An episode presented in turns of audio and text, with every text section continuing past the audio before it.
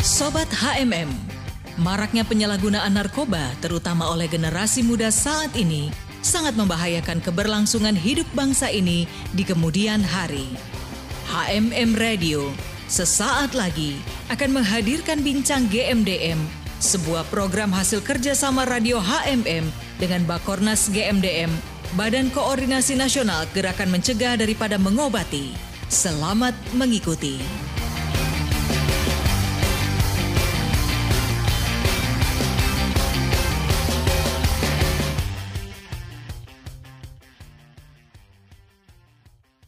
Shalom, selamat pagi Sobat HMM di mana pun Anda berada. Senang sekali di kesempatan hari ini saya Obet boleh kembali hadir untuk temani Anda Dalam talk show dengan GMDM Garda Mencegah dan Mengobati. Nah, topik hari ini membahas tentang penyesalan tentang pemakaian narkoba, tobat, bangkit, ada kesempatan kedua, dan harapan masih ada. Tidak mudah bagi orang yang sudah pernah kecanduan terus sembuh dan tetap bertahan kalau tidak didukung oleh lingkungan yang tepat dan niat keras dari yang bersangkutan. Kemungkinan untuk relap kembali sangat besar. Karena faktor pergaulan dan lingkungan dan kemauan dari orang itu sendiri. Diperlukan kerjasama antara si pecandu, orang tua, lingkungan, pergaulan, dan kemauan diri pecandu sendiri. Karena tanpa kemauan untuk berhenti dari si pecandu, maka segala usaha menjadi sia-sia.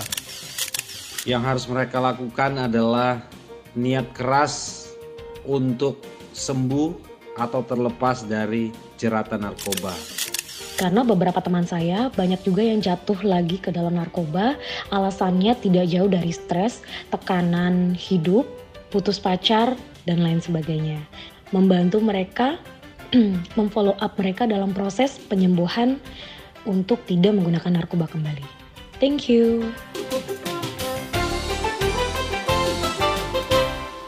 Ya, sudah bergabung narasumber kita dalam perbincangan hari ini. Saya langsung saja menyapa dari Kron Ministry ada Bung Ibob David. Shalom Bung Ibob, Bung Ibob. Terima kasih sudah mau bergabung. Ya, mungkin Bung Ibob belum di unmute ini.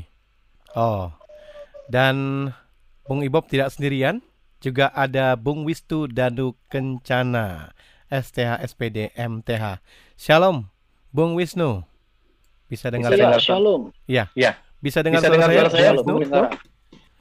Baik, uh, kita pagi ini Di mute tuh Pak, di mute. ya, Agak kuat tuh Pak Obet, di mute. oke. Zoom ya.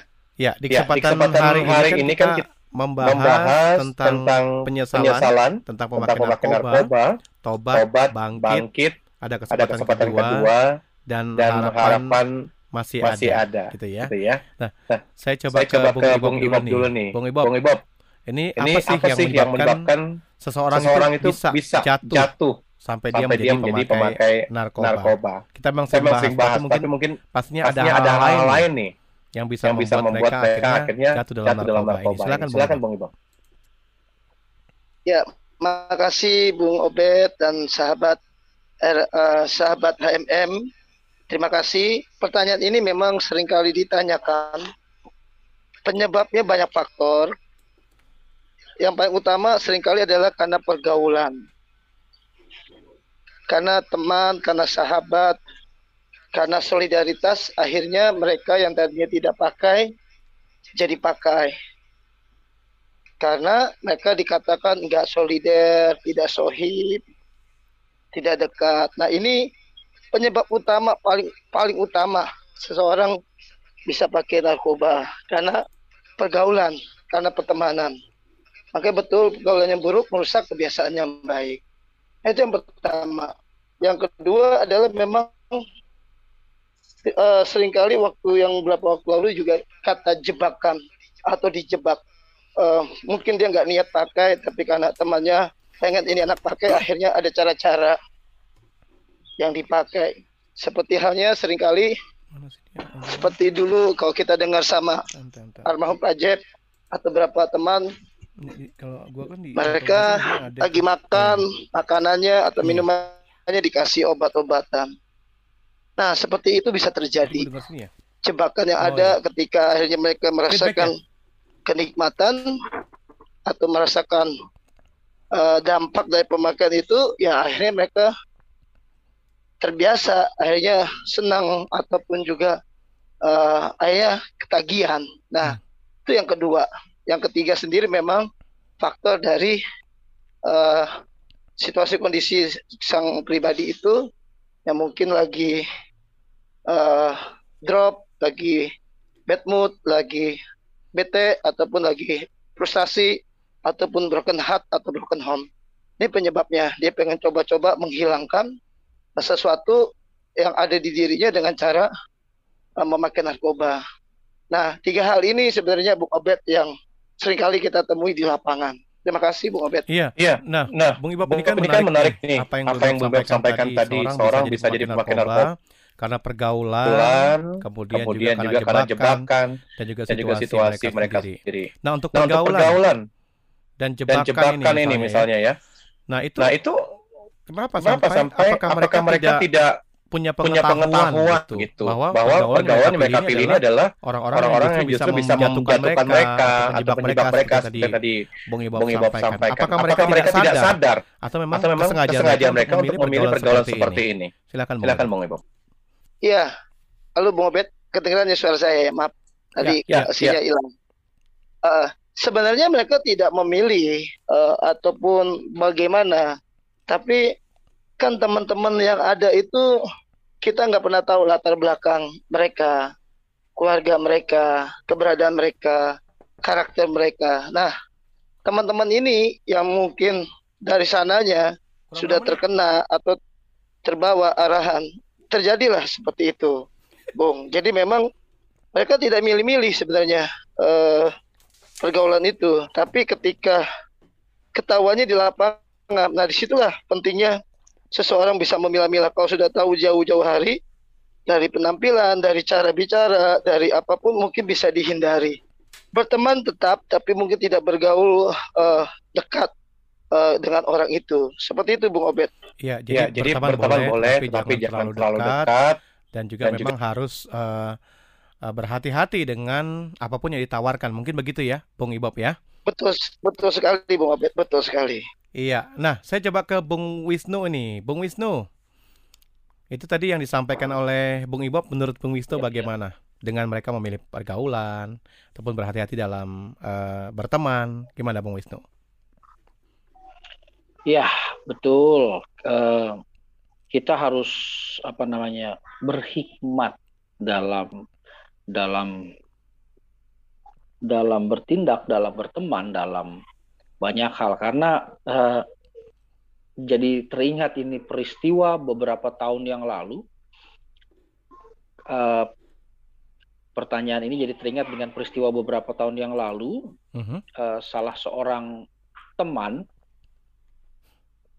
uh, puji Tuhan dia tidak tidak tidak akhirnya dia tidak terpengaruh begitu. Yang paling utama adalah dia membekali diri dengan pengetahuan. Hmm. Nah, waktu itu teman itu dia masih duduk di bangku SLTA. Memang anak-anak tingkat LS, SLTA, SLTP ini yang yang yang menjadi inceran ya sekarang ini. Hmm. Nah, waktu itu tepatnya tahun 90-an. Jadi ini saya baru tahu pun karena baru satu dua tahun saya bertemu lagi dengan anak ini dan dia cerita tentang pengalaman pergaulan ini. Hmm. Nah karena ceri apa Bung Obed tak bertanya tentang pergaulan, persis saya teringat dengan cerita ini. Iya, uh, waktu itu dia masih SLTA. Saya baru berkenalan dengan dia dan saya libatkan dia atau saya layanilah dia dengan dengan teman-teman yang ada supaya uh, belajar mendekatkan hidup kepada Tuhan begitu. Nah lalu apa yang terjadi? Dia bilang, eh, ini ada cara baru nih, uh, apa namanya gaya-gaya baru, uh, mabuk katanya bilang, waduh, ya daerah utara Jakarta itu memang terkenal dengan hal-hal yang seperti itu mm -hmm. ya. saya nggak nggak sebut wilayahnya, tapi apa saya nggak sebut Iya. kecamatannya atau daerahnya, tapi wilayahnya wilayah utara Jakarta. Memang Tapi saya kalau lagi melayani kalau saat ini dengarkan itu. pendengar HMM pasti mereka tahu sih. ya kan Bu? Di mana yang dimaksud nih? Jadi memang intinya gini ya, eh, Bung Wisnu. Berarti memang karena pergaulan awal-awalnya mungkin Iya, tadi betul. mabuk-mabukan, minum-minuman keras mungkin ya Bung ya Itu awal-awalnya. Tapi akhirnya bisa aja terjerat dengan yang namanya narkoba Terjerat ini. itu Mm-mm. udah pasti terjerat dengan Hmm. narkoba. Lalu ya karena kejadian kejadiannya dia melihat sesuatu yang aneh melalui peristiwa itu, Hmm. dia akhirnya lari, lari dari udah udah ngumpul, udah ngumpul yang yang lain udah pada make. Nah ketika pas sampai sebelum dia di sebelahnya itu mungkin apa entah baru pertama kali atau bagaimana tuh langsung kayak orang apa istilahnya ngefly-nya atau telernya atau mabuknya itu udah udah dia merasa ini sesuatu yang aneh gitu. Terus akhirnya dia ketakutan dia lari. Hmm. dia ketakutan dia lari. Lari Nah, menghindar ya Bung ya. lari keluar dari Iya. dari tempat itu dia keluar. Dan akhirnya dia bilang di situ awalnya saya langsung terbelalak dan saya teringat ini mungkin yang yang yang dijelaskan oleh teman-teman atau kakak-kakak kakak-kakaknya dia yang ada di eh, kebetulan anak ini bergereja jadi dia Iya. cerita waktu saya bergereja waktu saya bersekutu waktu saya ada di persekutuan kaum muda dia bilang lalu Mhm. akhirnya dia keluar ya puji Tuhan akhirnya dia menjadi salah seorang yang orang orang penting di di jajaran apa namanya Honda Mhm. dan dia menjadi salah satu tenaga ahli Honda akhirnya karena Bisa karena dia keluar dari Keluar dari lingkungan itu. itu. Nah, Itu ini menarik bisa nih, berkarya menarik. dengan Heeh. lebih baik. menarik yang Bung Wisnu sampaikan nih. Tapi bagaimana nih? Misalnya mereka sudah terjerat nih dengan narkoba. Pertanyaannya apakah mereka bisa bangkit kembali ini? Tapi sebelum dijawab nih Bung Wisnu, izinkan dulu yang mau jawab. berikut ini. Sabar ya. Mau lewat. Oke, siap. Oke. Bagi para mantan pecandu narkoba dan kurir narkoba yang sudah melewati proses rehabilitasi, supaya Anda dapat bertahan di situasi pandemi ini, maka jangan putus asa, selalu optimis, berpikiran maju secara subjektif, dan bergabunglah dengan komunitas yang bisa membina Anda untuk Anda berdampak. agar mantan pecandu narkoba dan kurir narkoba yang sudah direhab bisa bertahan di situasi pandemi. Tetap lakukan hal yang baik, berdoa dan percaya Tuhan pasti membuka jalan bagi anak-anaknya. Makasih, God bless you. Menurut saya, yang harus dilakukan agar mantan pecandu narkoba dan kurir narkoba yang sudah direhab bisa bertahan di situasi pandemi seperti sekarang ini adalah pertama memastikan untuk mereka berada di lingkungan yang tepat yang mendukung mereka ke arah positif. Dukungan keluarga memegang peranan penting. Yang kedua adalah menghindari lingkungan pergaulan yang buruk yang bisa menjerat mereka kembali pada kehidupan mereka yang lama. Ketiga, mereka dapat mengisi waktu dengan kegiatan yang positif, mengembangkan hobi dan talenta, berolahraga sesuai kesukaan, dan lain-lainnya. Dan yang keempat adalah mereka bisa mengisi jiwa dan rohani dengan hal-hal yang spiritual, beribadah dan berdoa.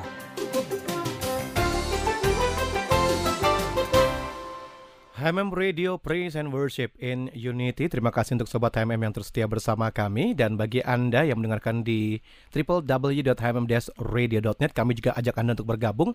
Mungkin bisa join di Zoom melalui Zoom ya. ID-nya di 623422 triple 08 623 422 triple 08 kemudian passcode-nya HMM Radio. Masih bersama dua narasumber kita membahas mengenai penyelesaian tentang pemakaian narkoba, tobat bangkit, ada kesempatan kedua dan harapan masih ada. Ada Bung Ibob dan juga Bung Wisnu. Tadi belum selesai dengan Bung Wisnu. sempat tadi menceritakan ya Bung ya tentang seseorang yang sempat jatuh dalam pergaulan, tapi dia sadar untungnya Untungnya dia sadar ya Bung ya dan sekarang menjadi seseorang yang ya bisa berkarya. Nah, eh, bagaimana nih Bung dengan mereka yang eh, akhirnya memang terjerat dengan narkoba ini? Apakah mereka masih ada harapan untuk pulih? Kemudian apakah mereka bisa bangkit kembali nih Bung Wisnu? Silakan Bung.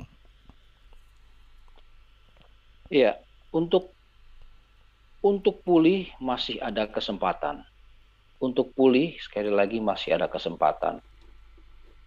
Tetapi diperlukan usaha yang keras dari pribadi tersebut. Hmm.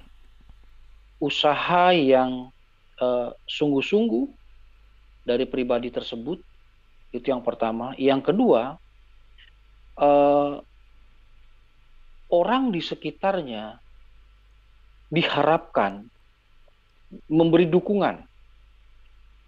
Orang di sekitarnya memberi dukungan. Lalu merangkul dia sebab bagaimanapun pribadi yang terkena atau terjatuh atau menjadi korban dari narkoba ini entah dia menjadi pengguna ya kan? Pengguna ya saya bilang pengguna ya.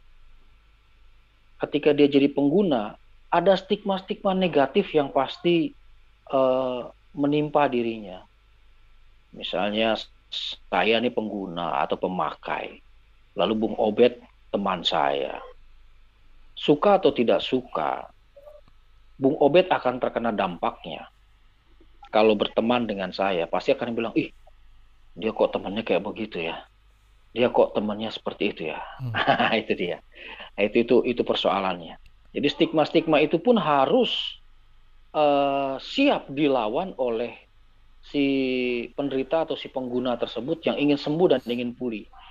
Dan ini diperlukan uh, apa ya selain upaya dari pribadi kita ada juga Eh, orang-orang di luar yang yang mendukung dia, lalu kita tidak berhenti atau si pengguna itu tidak berhenti berkomunikasi bukan dengan eh, teman-teman sesama pemakai, mhm. tetapi teman-teman yang menjadi konselornya dia untuk uh, bangkit dari dari pengguna apa dari kecanduannya itu. Dan ini tidak tidak memakan waktu yang cepat.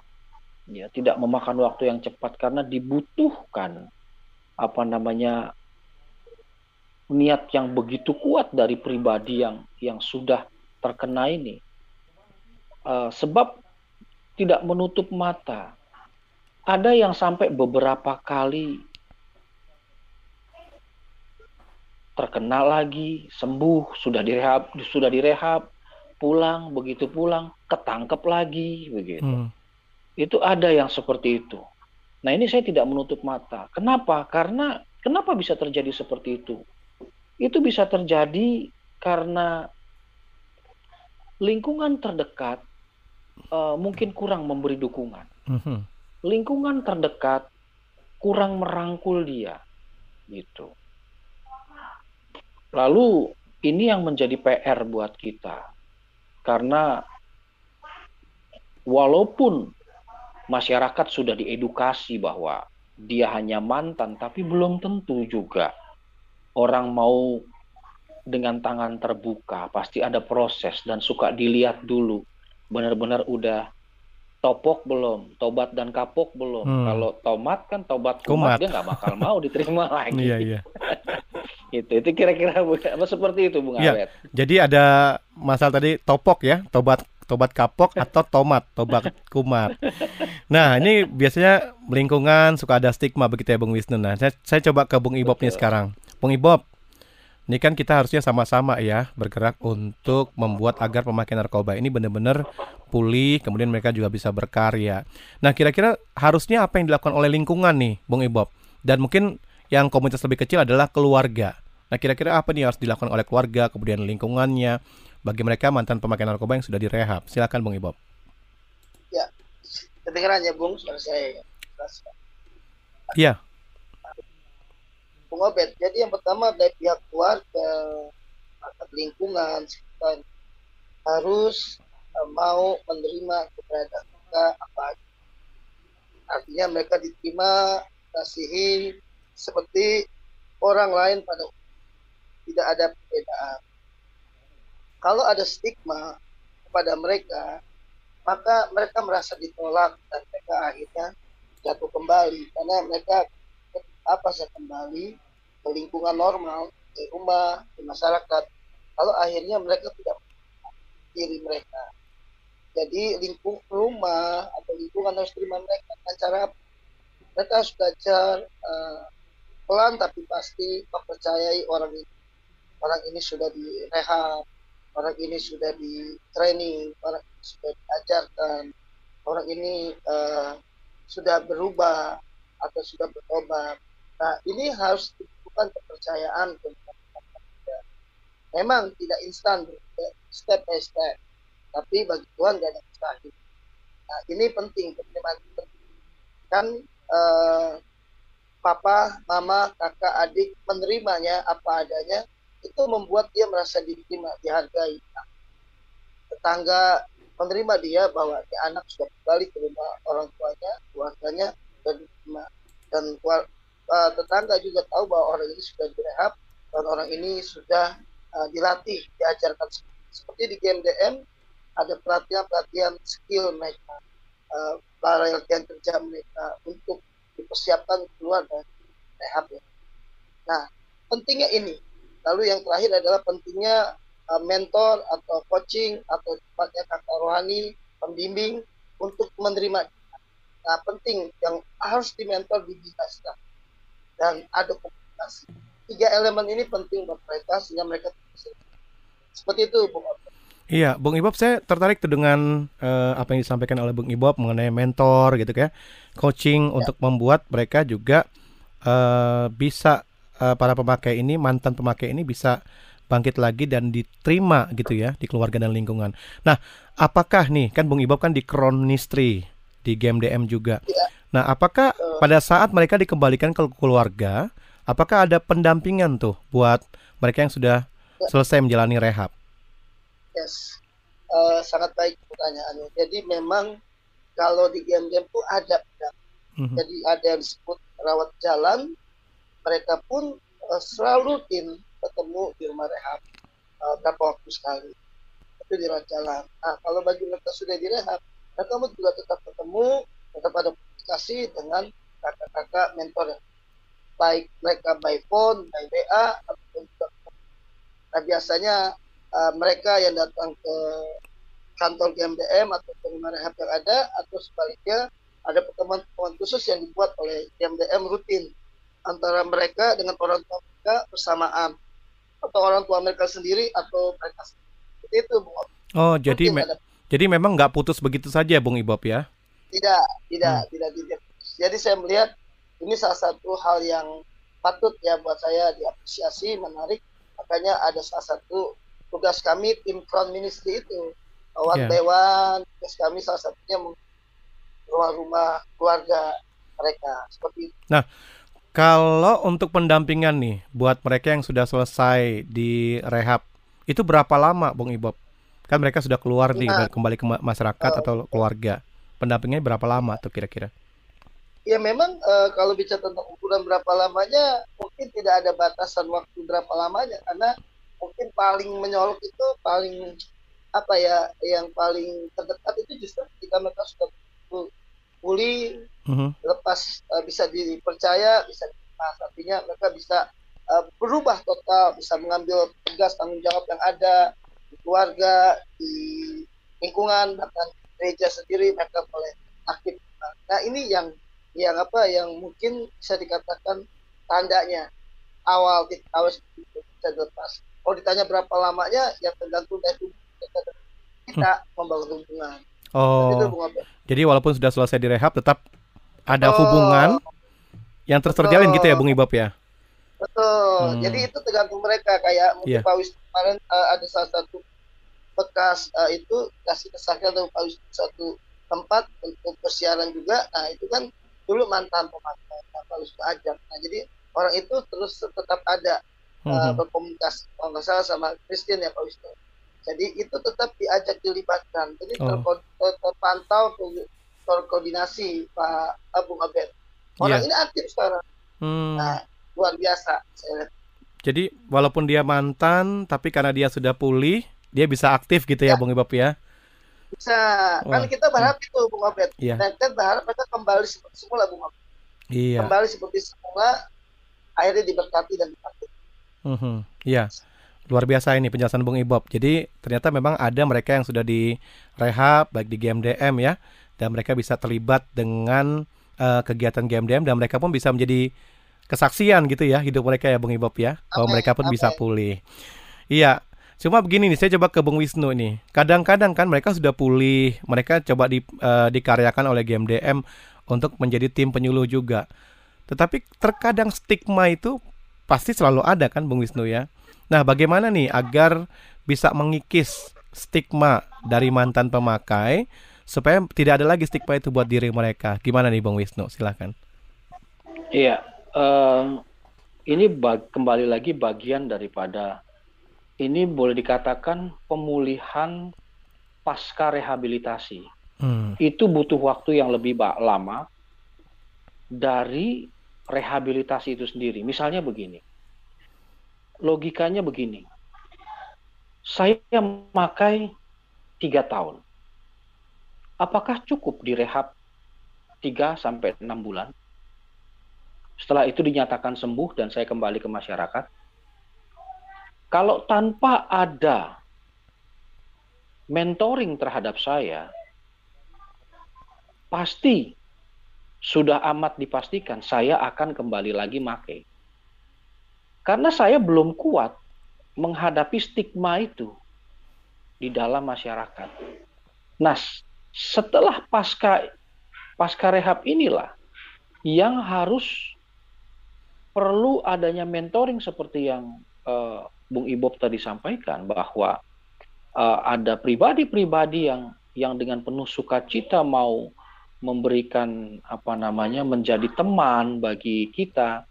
Dan juga biasanya kita menghimbau supaya si pribadi ini untuk keluar dari stigma itu membangun juga suatu komunitas atau dia membuat suatu komunitas di mana eh, dia bisa menolong sesamanya. Mhm. Nah, ini adalah salah satu cara dari banyak cara untuk membangun kepercayaan diri dan mengikis stigma itu. Dan tentu tidak mudah. Tentu tidak mudah. Dan perlu memakan waktu. Pribadi yang yang sedang eh, melakukan atau sedang menjalankan rehabilitasi pas eh, mem- memulihkan diri pasca rehabilitasi, dia perlu dukungan-dukungan. Mhm. Dukungannya apa? Misalnya ya dia dia secara pengalaman mungkin tahu apa yang menjadi eh, penyebab dia begitu. Dan dan itu dia bisa bisa jelaskan. Tetapi kalau dia kita libatkan eh, untuk misalnya terlibat me- dalam suatu penyuluhan dan kita beri ruang dia untuk menerangkan bagaimana eh, saat istilahnya saat sakaunya itu harus dia lawan bagaimana itu akan membangun kepercayaan diri dia kembali dan itu membangun eh, pemahaman kepada lingkungan bahwa stigma-stigma yang menekan dia akan membuat dia bangkit, akan membuat dia eh, semakin mempercayai diri, dan dia akan mampu menghadapi tantangan-tantangan itu. Mhm. Saya Jadi berarti percaya- berarti Ya. gini ya Bung Wisnu ya, stigma itu bisa lepas dari diri orang ini asal dia mau menunjukkan dirinya begitu ya Bung Wisnu ya. Dengan milik eksis komis ya, eksis dengan dirinya, Iya. bangkit kembali, pilih komunitas Iya. yang benar, kemudian saat mereka dia jadi pen- penyuluh mungkin tadi ya yang Bung Wisnu sempat sampaikan, dia benar-benar menceritakan Iya. sesuatu yang memang itu akhirnya membangkitkan dirinya sendiri untuk semakin pulih begitu ya. Dan akhirnya eh, ibaratnya stigma-stigma ini akan lepas dengan sendirinya. Wah, luar biasa nih penjelasan Bung Wisnu nih. Iya, Bung Wisnu, Bung Ibob. Ini kita pendengarnya luar biasa nih. Dari luar negeri ada beberapa ini saya coba ingin menyapa saja. Shalom untuk Anda yang berada di Singapura, kemudian di Rusia Moskow, kemudian di Jerman, tepatnya di Bavaria, Nuremberg, United, kemudian di United States, Virginia, Ashburn, kemudian Kingdom di England dan London. Untuk yang ada di Indonesia ada di Selipi, kemudian di Tangerang, Semarang, Surabaya, Sukaramai, Riau, dan juga ada di Bogor. Ya, ini Bung Wisnu dan juga Bung Ibob mohon bersabar sebentar. Kita nanti akan masuk kembali ini.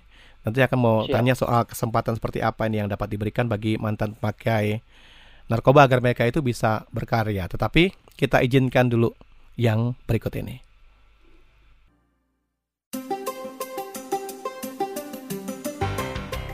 Untuk semua teman-teman yang saat ini sedang berjuang agar total lepas dari keterikatan penyalahgunaan obat-obat terlarang. Tetap semangat ya, terus berjuang. Sekeras dan sebesar apa pun perjuanganmu, maka sebesar itu pula lah hasilnya. Sebab hasil tidak akan pernah mengkhianati usaha. Dan ingatlah bahwa hidup kita hanya satu kali. Hidup kita ini singkat. Karena itu bangkitlah terus berjuang memperbaiki hidupmu terus berjuang untuk hidup semakin berkenan di hadapan Bapa sebab kamu sangat berharga di matanya. Jangan pernah mengandalkan narkoba untuk mencari jawaban dari segala kekhawatiran. Serahkan segala kekhawatiranmu kepada Tuhan, mengadulah kepada Tuhan, layaknya anak kecil yang mengadu kepada bapaknya. Utarakan semua ketakutan dan penyesalanmu, Tuhan pasti menjawab setiap keraguanmu dan Tuhan juga pasti memberikanmu lebih ya dari yang kau minta. Kita pernah salah, tetapi tidak pernah ada kata terlambat untuk memulai sesuatu yang benar. Lakukan perkara yang positif dan usahakan untuk hidup jauh dari dosa. Jadilah terang dan garam dunia. God bless. Masih bersama dalam talk show dengan GMDM dengan topik penyesalan tentang pemakai narkoba, tobat, bangkit, ada kesempatan kedua, dan harapan masih ada. Dengan dua narasumber kita ada Bung Ibob dan juga Bung Wisnu. Dan juga yang sudah bergabung melalui Zoom ini ada Bung Wira. Shalom, terima kasih sudah mau bergabung bersama dengan kami. Ya, saya coba ke Bung Ibob nih sekarang. Bung Ibob, ini uh, tadi kan Bung Wisnu sempat sampaikan bahwa uh, mereka yang sudah pernah terkena narkoba supaya lepas dari stigma, ya mereka harus uh, membuat suatu komunitas, pilih yang komunitas yang baik gitu ya. Kemudian mereka juga harus terlibat dalam sebuah organisasi yang positif ya salah satunya dengan GMDM yang mengkaryakan nih beberapa mereka yang sudah benar-benar pulih. Nah, untuk Bung Ibob sendiri seperti uh, kesempatan seperti apa nih yang dapat diberikan bagi para mantan pemakai narkoba ini agar mereka bisa berkarya? Silakan, Bung. Iya. Oke, puji Tuhan. Iya.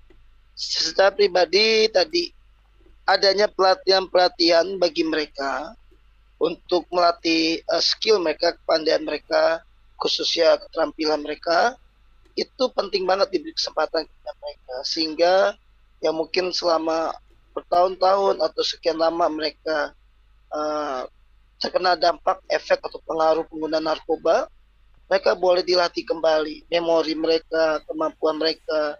Bisa contoh untuk uh, mesin uh, AC, pasang AC, atau servis motor, atau servis handphone, atau banyak hal uh, memasak atau dandan. Nah ini yang yang dilakukan oleh GMDM sangat penting. Pelatihan-pelatihan ini akan membantu mereka uh, kembali uh, seperti sedia kala semula sebelum memakai narkoba punya keterampilan. Lalu kedua kesempatan kedua adalah memang dibukanya lapangan pekerjaan atau usaha diberikan kesempatan mereka peluang untuk mereka bekerja atau uh, dibuka ke usaha diberikan modal. Nah hal ini butuh kerjasama dengan banyak pihak yang mempercaya hal ini. Jadi mungkin orang kanan atau orang yang kenal yang dekat bisa kasih kepercayaan. Selain membangun jati diri mereka, membangun gambar diri mereka bahwa mereka uh, seperti manusia pada umumnya mereka dipercaya di kesempatan itu akan membangun bahwa mereka sudah pulih sudah terlepas dan yang ketiga paling pastinya adalah memang harus diberikan ruangan komunitas tempat yang baru bagi mereka dengan menutup uh, komunitas yang lama yang hitam yang kelam itu ditutup dan buka komunitas yang baru mungkin dengan ibadah atau persekutuan atau komsel atau hal-hal yang positif membangun.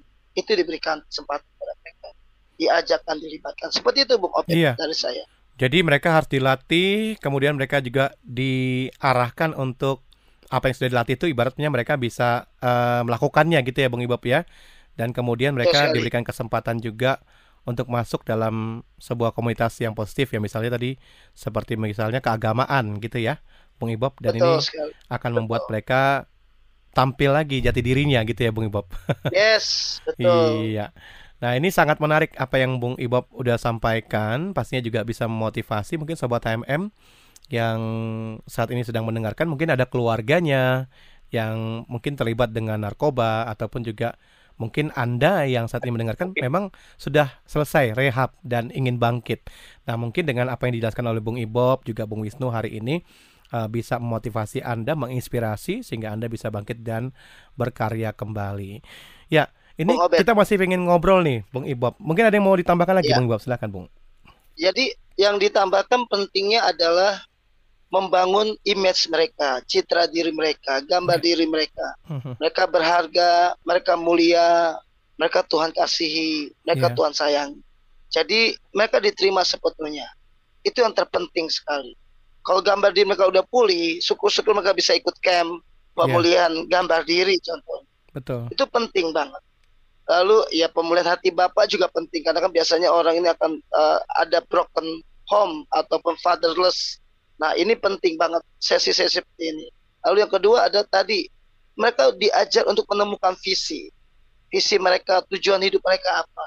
Dua hal ini penting saya rasa. Pemulihan gambar diri mereka, mereka diterima kasihi sepenuhnya dan mereka juga diarahkan untuk menemukan tujuan hidup mereka ke depannya apa setelah berapa tahun yang lalu terhilang karena narkoba hmm. ini penting banget mereka dibagikan kamu mau jadi apa mau kamu mau bagaimana ini penting banget setiap yeah. kita yang ketemu orang seperti ini itu Bung Obet dari saya iya dan akhirnya mereka bisa pulih kemudian mereka juga bisa yes, berdampak right. begitu ya Bung Amen. ya Amin. Amin. Amin. Iya, saya coba ke Bung Wisnu nih sekarang. Bung Wisnu, ini kita sudah ada di penghujung talkshow kita.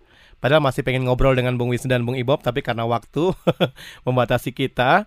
Nah, mungkin Bung, Bung Wisnu bisa uh, memberikan statement nih tentang topik kita hari ini mengenai penyesalan pemakai narkoba. Silakan Bung Wisnu. Jangan hanya cuma menyesal, tanpa ada tindakan untuk membangun diri. Hmm. Kalau hanya menyesal, kita akan hanya hidup di dalam mimpi. Jadi, bangunlah diri dan jangan pernah menyerah. Hmm. Tetap kuat, tetap punya tekad, tetap punya semangat, dan tetap punya tujuan bahwa kita ingin pulih, kita ingin sembuh, dan tidak pakai narkoba itu jauh lebih keren. Ya, ini kayaknya langsung muncul aja kata-kata ya, Bung Wisnu ya. Uh, itu hal-hal yang seperti itu, hmm. me, karena begini, Bung Obed, kebanyakan orang dibujuk ya, dibujuk.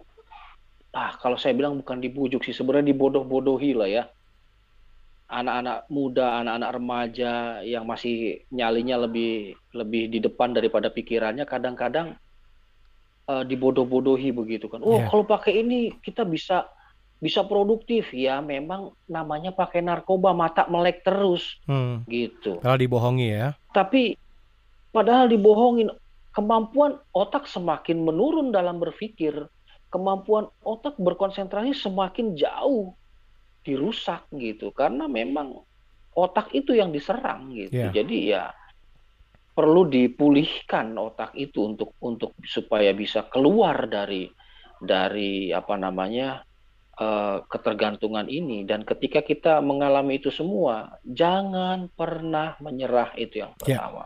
Yang kedua bangun motivasi diri yang kuat punya tujuan apa. Iya. kita mau punya tujuan apa ya. Yang ketiga bangun komunitas dan terlibat di dalam komunitas yang positif Betul. untuk membangun diri untuk bangkit dari keberadaan diri Iya. itu yang pertama itu yang utama Betul. Obed. Jadi harus bangkit dari diri sendiri, membang- membangun juga komunitas supaya kita akan terus eksis walaupun mantan pemakai narkoba Betul. pasti bisa berkarya. Baik, terima kasih Bung Wisnu, Bung Ibob. Ini waktu membatasi kita. Sekali lagi terima kasih buat Oh, waktu dan oke, kesempatannya sudah bisa berbincang dan Terima mengedukasi kasih. sobat HMM di kesempatan hari ini. Tentunya kita bisa berbincang kembali di lain waktu ya, Bung Ibob dan juga Bung Wisnu pastinya terus memberikan waktu dan tetap siap. Iya, baik Iya, sobat. HMM. Anda telah mengikuti perbincangan dengan GMDM Garda Mencegah dan Mengobati dengan topik penyesalan tentang pemakaian narkoba, tobat, bangkit, ada kesempatan kedua, dan harapan masih ada. Informasi tentang GMDM dapat menghubungi di 021866 15552 021866 15552. Nantikan perbincangan kami selanjutnya bersama GMDM dengan topik menarik seputar penyalahgunaan dan pemberantasan terhadap narkoba untuk menciptakan Indonesia bersinar bersih dari narkoba.